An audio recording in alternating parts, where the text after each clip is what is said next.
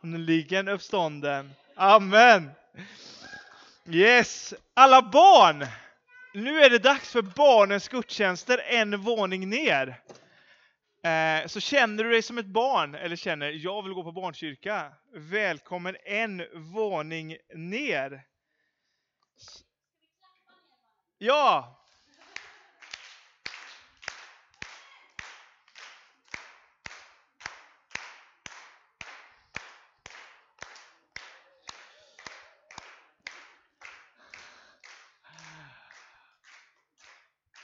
Härligt.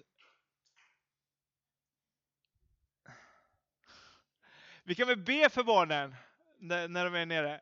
Jesus, tack för att du sa till barnen att låt dem komma till mig, Herre. Jag ber att de äh, där nere får på något sätt får verkligen få möta dig, Herre Jesus, för det är det du längtar efter. Att få möta, möta dem, Herre, för, som dina älskade barn, Herre.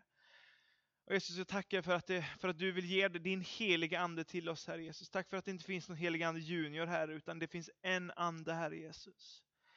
Och Jesus, jag tackar dig för att det, det yngsta vi ser att någon får, får möta Guds ande, det är när man är några månader och ligger i mammas mage, Herre. Tack för att du alltid vill möta oss med din ande och din närvaro, Herre. Amen. Det är fascinerande att, eh, att Johannes döparen första gången vi vet att han möter Guds ande så är han tre, fyra månader. Det är ändå, så man är aldrig för ung och man är aldrig för gammal, tänker jag. Och det tänker Gud med, tänker jag. Eh, Hoppas jag i alla fall. Johan heter jag, om det är någon som inte känner mig, är, är, är pastor här tillsammans med, med, med Nathalie. Eh, så himla kul att du är här på kanske söndagens, eller årets bästa söndag. Eh, när vi får fira. Och ni, ni, vet väl vad Jesus, vad, vad, när lärjungarna frågade Jesus, innan påsken så frågade lärjungarna Jesus, men eh, vad ska du göra över påsken då? Då sa han, nej jag vet inte, inget är spikat, sa han. Nej jag ska, förlåt, jag ska aldrig säga det skämtet igen, det är alldeles för dåligt. Eh, äh, men gott att vi får vara här. Och eh, jag skulle, idag skulle jag vilja predika, jag ska predika om Kristus uppstånden. Och jag skulle vilja att vi ska försöka på något sätt lyfta blicken lite. Det, det, när man pluggar teologi, så, så, som jag har gjort i alldeles för många år. Jag, jag, har, jag har ett diplom där det står att jag har läst en fyraårig utbildning från 2013 till 2021. Ni som är lite snabba, snabba i huvudet vet att det är åtta år.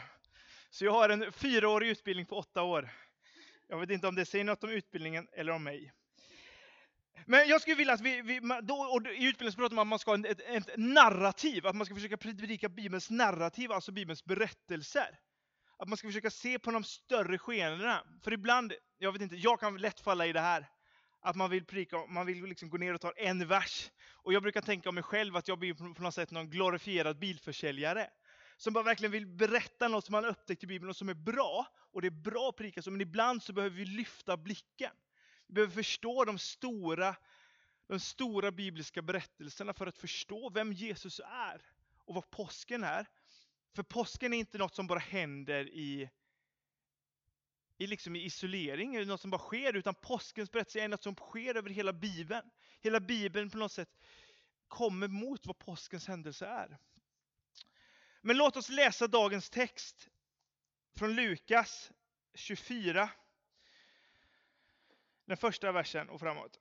Den första veckodagen kom de, alltså kvinnorna, tidigt i gryningen till graven med väldoftande oljor som de hade gjort i ordning. De fann att de, de stenen var bortrullad från graven. De gick in men fann inte Herren Jesu kropp. När de inte visste vad de skulle tro, då stod plötsligt två män i skinande kläder framför dem. Kvinnorna blev räddade och böjde ansiktet mot marken och männen sade, varför söker ni den levande bland de döda? Han är inte här, han har uppstått. Kom ihåg vad han sade till er medan han fortfarande var i Galileen. Människosonen måste utlämnas i, synd, i syndarens händer och bli korsfäst och uppstå på tredje dagen. Då kom de ihåg hans ord. Och, och då återvände de från graven och berättade allt detta för de elva och för de, all, de andra. Det var, Maria, Maria, det var Maria Magdalena och Johanna och Maria, Jakobs mor. Även de andra kvinnorna som var med dem talade om detta för apostlarna. Men de tyckte deras ord var tomt prat och trodde inte på dem. Men Petrus reste sig och sprang till graven. Och när han lutade sig in såg, såg han bara linnebindlarna. Och han gick hem full av förundran över det som hade hänt. Eh, och påskens på något sätt stora grej är ju uppståndelsen. Det är att, att Jesus besegrar döden, besegrar döden. Men uppståndelsen kan inte ske utan långfredagen. För du kan inte uppstå från döda utan att ha dött. Det är helt omöjligt. Och, och, och långfredagen kan inte ske utan, utan skärtorsdagen. Med instiftande av nattvarden att Jesus blir förrådd. Vi måste se att det är berättelsen på, på, på vad som händer. Och vi behöver förstå att det, det, när Jesus kom så förkunnade han om Guds rike. Han förkunnade om att Guds rike var nära. I, i en annan översättning står det att han, att han sa att Guds rike är vid handen. Och, och för att förstå Guds rike så behöver vi förstå uppståndelsen. För uppståndelsen är nyckeln till, till förstå, förståelsen om Guds rike. Och för, för påskens budskap är om kampen mellan det goda, mellan ljusets rike och det onda riket, mörkrets rike. Det är drabbningen som finns med, mellan, mellan de riken. Och nu har vi glädjen att veta att det är ljusets rike som vinner. Det är det goda riket som vinner. Och, och, och det här är en kamp som inte bara vi läser om när vi läser om, om, om, om påsken i, i evangelierna i Nya Testamentet, utan det här är det här är en drabbning som vi läser från Ja, egentligen från första Mosebok kapitel 3, när, när det står om, om syndafallet, när det står om ormen. Där någonstans börjar drabbningen mellan de två rikena, Guds rike och ondskans rike. Sen läser vi, kan vi läsa genom hela Bibeln om det här, om drabbningen som är kring detta och vilka konsekvenser det får. Men det är i korset, det är i korset och det är i uppståndelsen som denna kampen på något sätt får sitt crescendo eller sin, sin stora upplösning. Det här, det där, det där det goda riket vinner. Och vänner, det var, aldrig en, det var aldrig en diskussion om vilket rike som skulle vinna. Det var aldrig så att Gud bara, men jag behöver några år på mig här för att kunna vinna. Utan allt det här vi läser om Bibeln, om vi läser om kampen, så, så, så ingår det i, i, i Guds stora frälsningsplan.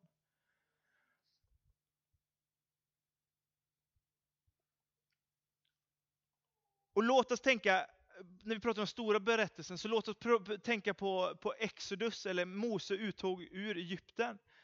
När det judiska folket hade, varit fånget, hade blivit slavar under Egypterna och de, de led. De led mycket. Det står att de ropade till Gud dag och natt om att han skulle, skulle befria dem. Och det står också, det här är väldigt skönt när det står det här, och det står att Gud hörde dem.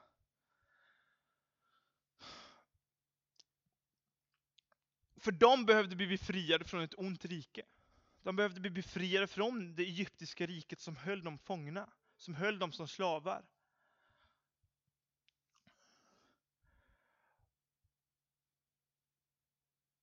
Och Jag ska bara springa igenom där, så, så vi kommer missa massa detaljer. Men läs gärna de här andra Moseboken, superspännande. Men, men det som händer är ju att, att Gud utser Mose att vara hans förhandlare. Och sen säger, sen säger Mose lite skönt, jag, jag, jag kan inte prata. Och så tar han med Aron. Och sen resten av Bibeln så står det att Mose säger. Så jag vet inte riktigt vad Aron gjorde. Det är en skön detalj. Eh, och, och, och, och han går till farao, där han hade vuxit upp, och, bli, och, och förhandlar på något sätt med folk. Men farao släpper dem ju inte. Och det händer ju de här tio plågorna eh, som vi kanske har läst om i Bibeln. Som är, ibland som är svåra att förstå tycker jag ibland. Som är, förstå, som är svår att förstå för, för vi tror på en Gud som älskar och vi tror på en kärleksgud och vi tror på en god, god Gud och vi, vi förstår inte det här. Men det vi måste komma ihåg är att vi tror på en Gud som är helig. Och det som är intressant är att desto mer och mer i bibelforskning just nu så upptäcker man, och i arkeologisk utgrävning av det egyptiska riket, så upptäcker man att de här tio plågorna är så tydligt kopplade mot, mot Egyptens gudar. Jag tänkte ett tag att jag skulle ha en, en, en bild, ja, visa alla olika gudar som, som varje plåga gör, men då hade jag inte hunnit någonting annat. Så det är en annan predikan. Lovar inte när den kommer. Men varje plåga, varje någonting så är det att Gud visar att han är mäktigare än Egyptens gudar. Han visar att han är den guden som besegrar, han är den guden som vinner. Och det slutar ju med att Gud, att Gud leder sitt folk ut. Och det är det här påskens budskap börjar med. Att Gud säger till, egyptiska, eh, eller till det, sitt, sitt judiska folket. Slakta påskalammet. Stryk blod över era portar. Så, sen tio, så går den tionde plågan när, när, när, när Herrens ängel dödar allt förstfött i Egypten för, för, förbi dem. Jag ska försöka prata långsammare. Jag lovar. För två veckor sedan så var jag sjuk och då vet jag att det var en som bad att jag skulle vara lagom sjuk. Så jag pratar långsamt. Så jag ska försöka prata lite långsammare. Eh. Men det är också en annan påskpredikan. Det tar vi också en annan gång. Om det fantastiska med om offerlammet. Men Gud, genom Exodus och genom uttåg så visar Gud att han är den erövrande guden. Han är den befriande guden. För han är guden som regerar. Genom det så blir han ännu tydligare konung över, över det judiska folket. Han blir konung över Israel. Och det är den guden som vi tror dör på långfredagen och uppstår på söndagen. Det är, det är den regerande guden, det är den befriande guden. För Gud befriar sitt folk. Och i, och i uttåg från Egypten så befriar han sitt egendomsfolk, det judiska folket. Och på påsken så befriar han sitt folk. Som, gen, som genom honom vi alla blir inympade om, skriver Paulus. Vi alla blir införda in i hans folk genom att vi tar emot hans frälsning. Genom påsken så, blir, så, så, så, blir, så får alla tillgång till hans folk. Vi alla blir del av, av, av, hans folk. För han är den guden som befriar och regerar. Och, och, vi som är i den här kyrkan och andra frikyrkor i, i Sverige och världen är ju del av något som man kallar en väckelsetradition. Där man starkt ofta betonar Bibeln som Guds ord och, stark, och man betonar den egna erfarenheten av frälsningen. Det är att jag är frälst och det är bra, det är gött brukar jag säga. Och det är fantastiskt vad Kristus gör, att han dör för min skull så att jag får komma nära han. Att han, han som på något sätt var helig och min synd skymde mig från han. För det, är det som händer. Det är det hela gamla testamentet handlar om, att, att vår synd skymmer, skymmer, skymmer han. Men genom korset så på något sätt så bryts det. Och ibland tror jag att vi förvandlar det här till vår individualistiska frälsning. Att han har dött för mig och det är halleluja och jag är frälst. Och det är sant! Det är påskens budskap. Men vi missar så mycket del om vi stannar där. Det, här, det är därför jag vill backa här, försöka, försöka se på den stora bilden. För, för, för vad jag tror påsken också är, är att, att där får vi se Guds rike bryta in på denna jord. I ett annat evangelium, det kanske står Lukas också, i något evangelium, någonstans i Bibeln brukar jag säga ibland, så, så, så står det om att när Jesus dör, så står det att förhänget i templet, och vad var förhänget? Det var en tjock gardin som, som, skilde, som skilde det allra heligaste i templet, dit ingen människa kan få gå förutom översteprästen en gång per år. Att dit, dit kom ingen. Men det står att när han dör på kort så, så står det att förhänget bara går sönder och Guds härlighet får komma över allt folk. För, för det som händer i påsken också är ju att Gud, Guds rike, blir etablerat på denna jord.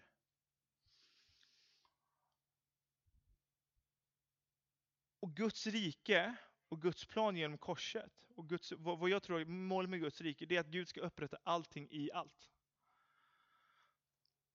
Ibland så pratar vi om att att vi, vi är kristna här och så är vi några år. Och så målet är att vi ska få komma till himlen. Och det är ju gött. Men jag ser mycket mer bibelord och bibelrecensioner att, att, att himlen ska komma ner. För, för vi läser om, vi läser om, för i Bibeln så står det om att på den, på den sista dagen så ska det komma en ny himmel och en ny jord. För Gud vill upprätta allting i allt. Vet ni att Gud är lika Intresserade av vårt klimat och, hur, och vår, vår jord som vi är? Han är troligtvis mer intresserad av vad vi är, för han har skapat det. Men Guds rike är, och påsken i Guds rike är, Gud har upprättat allting i allting. Varför då? Jo, för han är befriaren. För han är erövraren. Han är guden som gör det. Och påskens budskap handlar om att Gud upprättar och för folket, riket, ur synden och dödens makt. För genom korset så blir Guds rike här. Genom korset så kommer Guds rike in i jorden. Men jag vet inte om ni, ni har märkt det. Det är också ännu inte.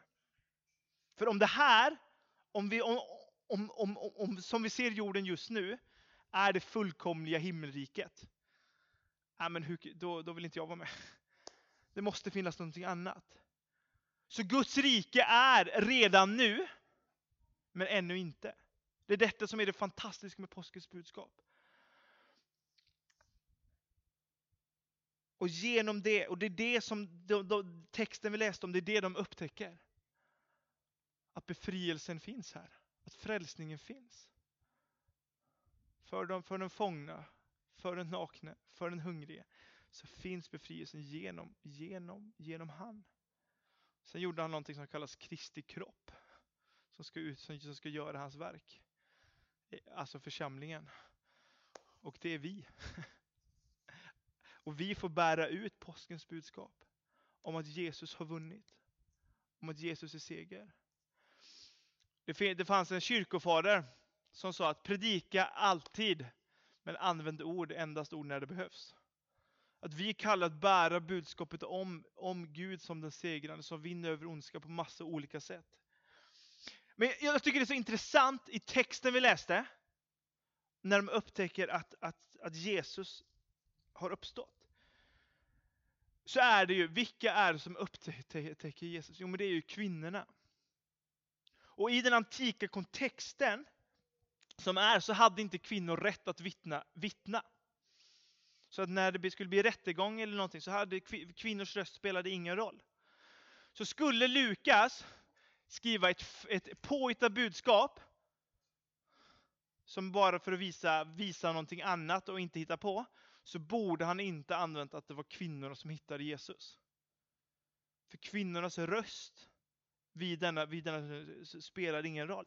Men vänner, det är viktigt att det är kvinnorna som hittade Jesus uppståndelsekropp. Det är inte bara en, en, en tillfällighet, oj det råkar bli så här. Utan det är en del av Guds plan. Varför det? Jo, för Gud upprättar allt i allt. Genom korset så upprättar Gud kvinnornas plats. Jesus är den första feministiska rörelsen vi har. Ja, men förlåt, läs om Jesus hur han är med kvinnor i Bibeln och läs andra antika texter hur de är. Läs Jesus hur Jesus är med kvinnor och läs hur vårt samhälle är mot kvinnor ibland.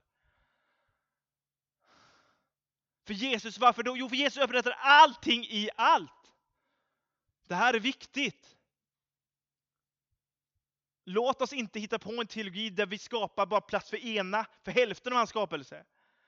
För varför då? Jo, för då förlorar vi fullheten i Kristus. Varför det? Jo, för män och kvinnor är del av Kristi kropp.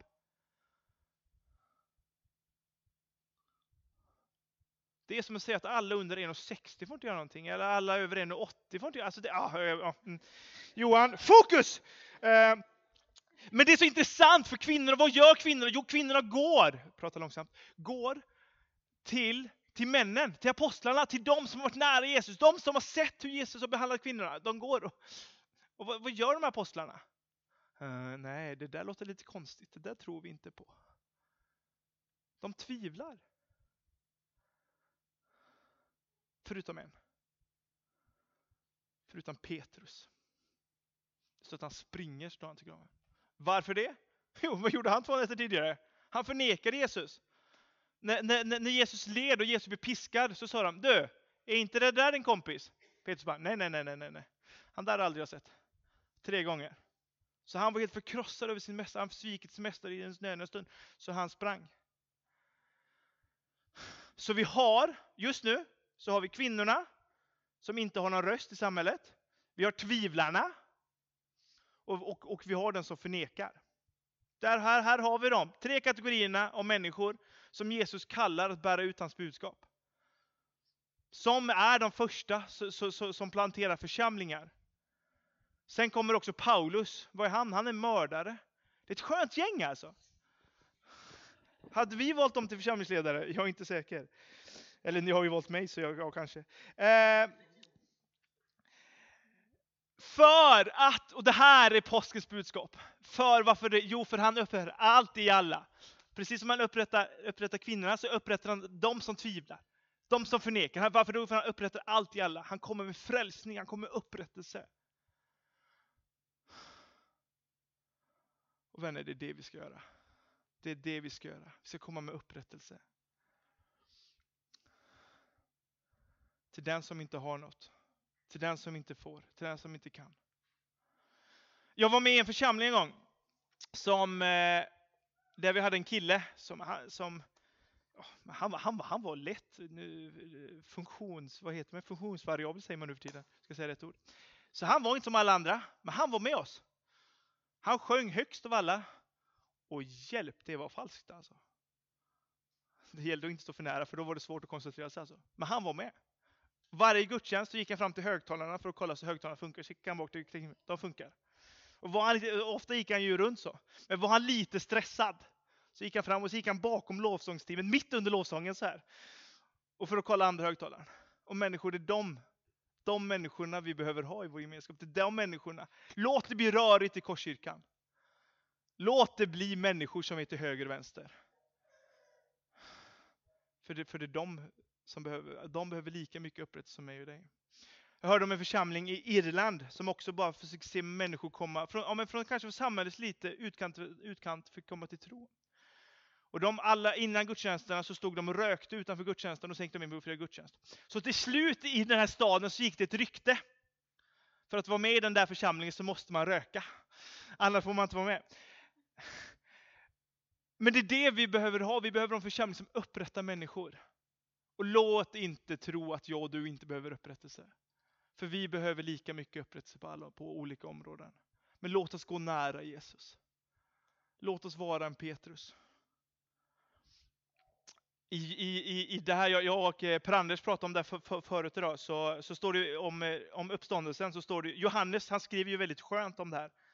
För det står att han, i den berättelsen så står det att Johannes och Petrus, eller det står att lärjungen som Jesus älskade, sprang till graven. Sen det är Johannes, har Johannes lagt till en liten notis. Och Johannes var först. Han springer lite snabbare än Petrus. Men sen står det, men det var Petrus som gick in. Varför det? Jo, för han behövde se om den han förnekade var uppstånden eller inte. Den som blir förlåten mycket, säger Jesus.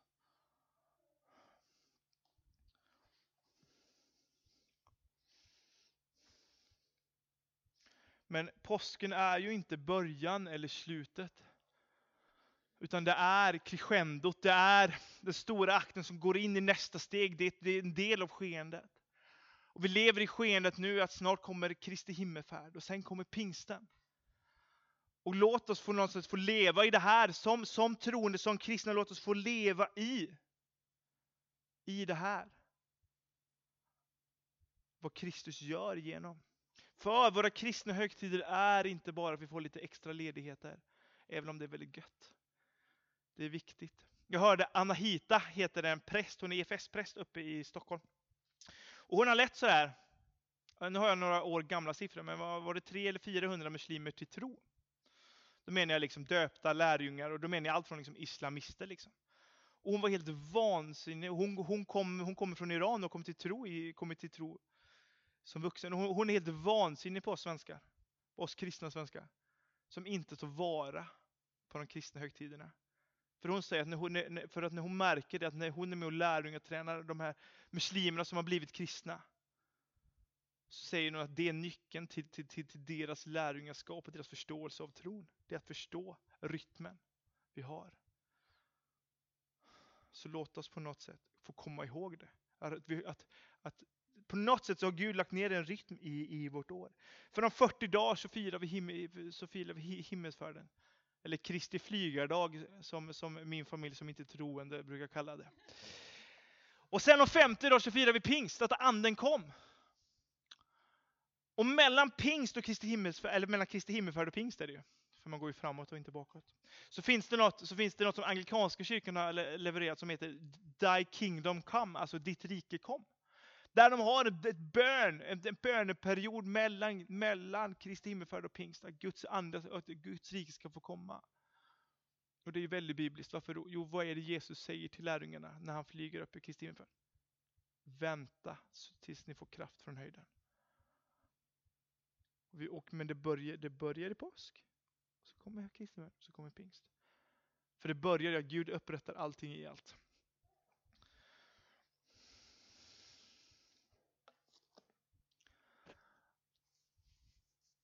Och en dag, vänner, så ska ondskan ska, ska, ska, ska dömas. För segern är vunnen, men, men domen kvarstår. En dag, vänner, så ska all ondska på denna jord dömas. Och för, för, för, för, ni som mig som kanske som följer, har följt Ukraina ganska nära, så, så är ni glada att en dag så, så ska ondskan inte få plats. Att ondskan en dag ska få säga, så ska, ska all ondska få dömas. Och det innebär också att ondskan i våra liv döms. Att synden i våra liv döms. Men genom Kristus, genom påsken, genom korset, genom uppståndelsen så ska vi en dag stå fria. Inte på grund av vad, vi, vad jag har gjort. Utan texten jag läste, som jag började i, det var från Jesaja 53. Så står det. Straffet blir lagt på honom för att vi skulle få frid. Och genom hans sår är vi hela. Vi gick alla vilsna. Men han upprättar allt i allt. En ny himmel och en ny jord. Han, han gör så att jag kan komma till Fadern. Alltså han gör så att frälsningen blir min. Men han upprättar allt i allt.